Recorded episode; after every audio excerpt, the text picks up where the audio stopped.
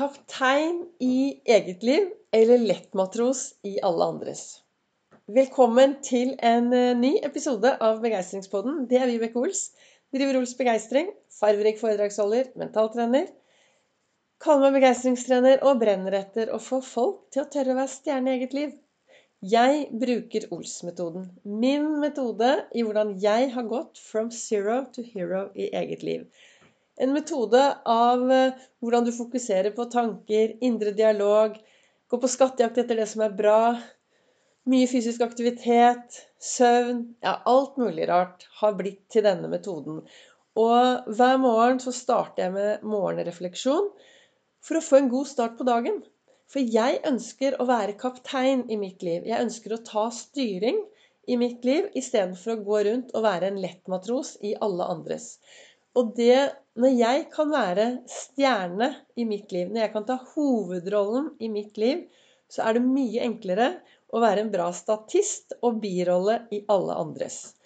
Og jeg har jo holdt på med denne podkasten i snart to år, men i mai begynte jeg å sende daglig.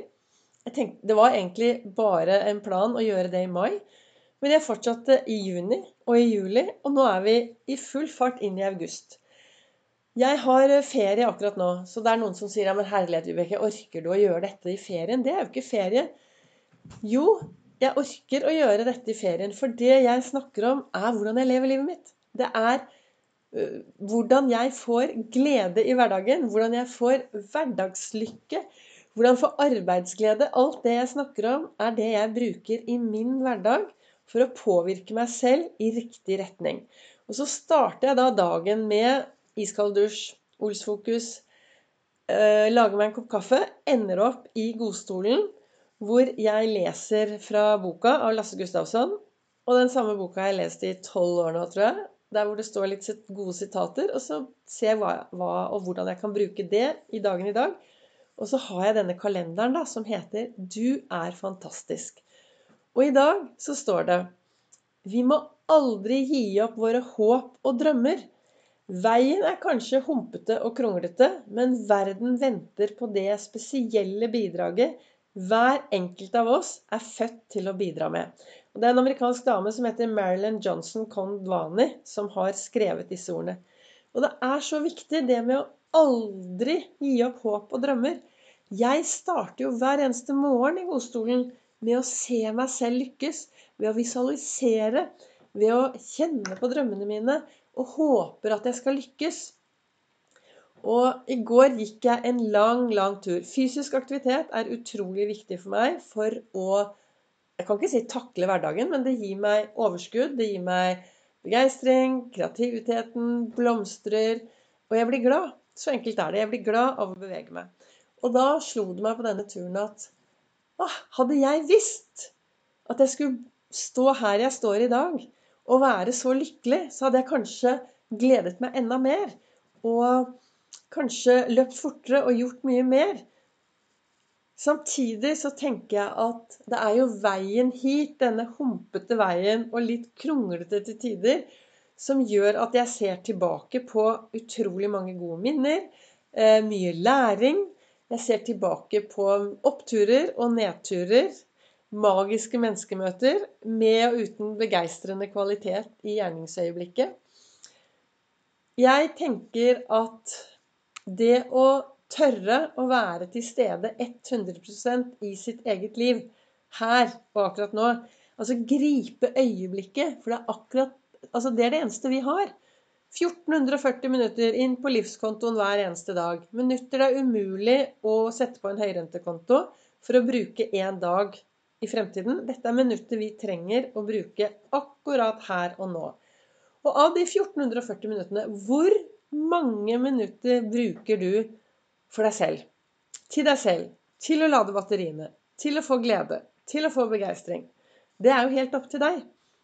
For en del år siden så startet jeg min, lagde jeg min egen adventskalender. Jeg fikk ingen adventskalender. Så da fant jeg ut at eh, når alle andre har adventskalender, så kan jeg lage min egen. Jeg lagde 24 små pakker til meg selv. Små lapper. Og det jeg gjorde, var at jeg satte av én time til meg selv. 60 små minutter En liten time til meg selv hver dag til å gjøre noe som var bra for meg. Noe hyggelig.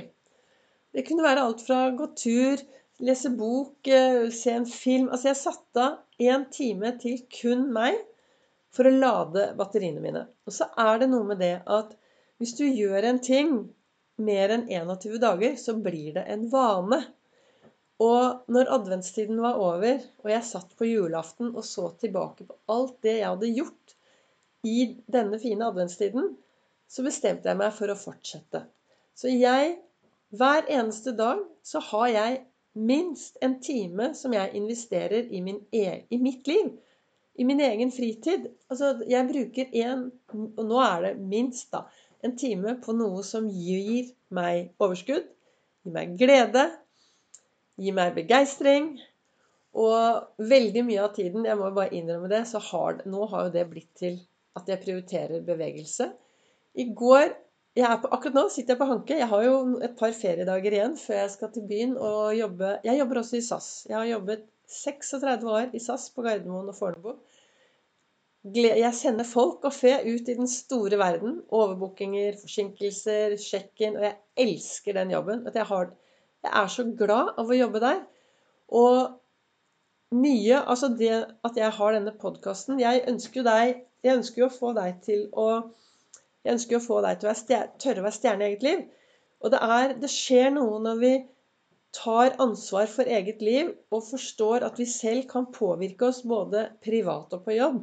Hvis du har en jobb du er sånn, som kanskje ikke du trives så godt med, som du syns er litt traurig, så husk på at du kan jo bare begynne å glede deg og lure topplokket litt. Det er jo veldig dumt og hvis du er i en jobb som du mistrives med, og bruker så mye tid på å mistrives i jobben. Da er det jo mye viktigere å finne de små tingene som gir deg glede i jobben, så at du faktisk får arbeidsglede.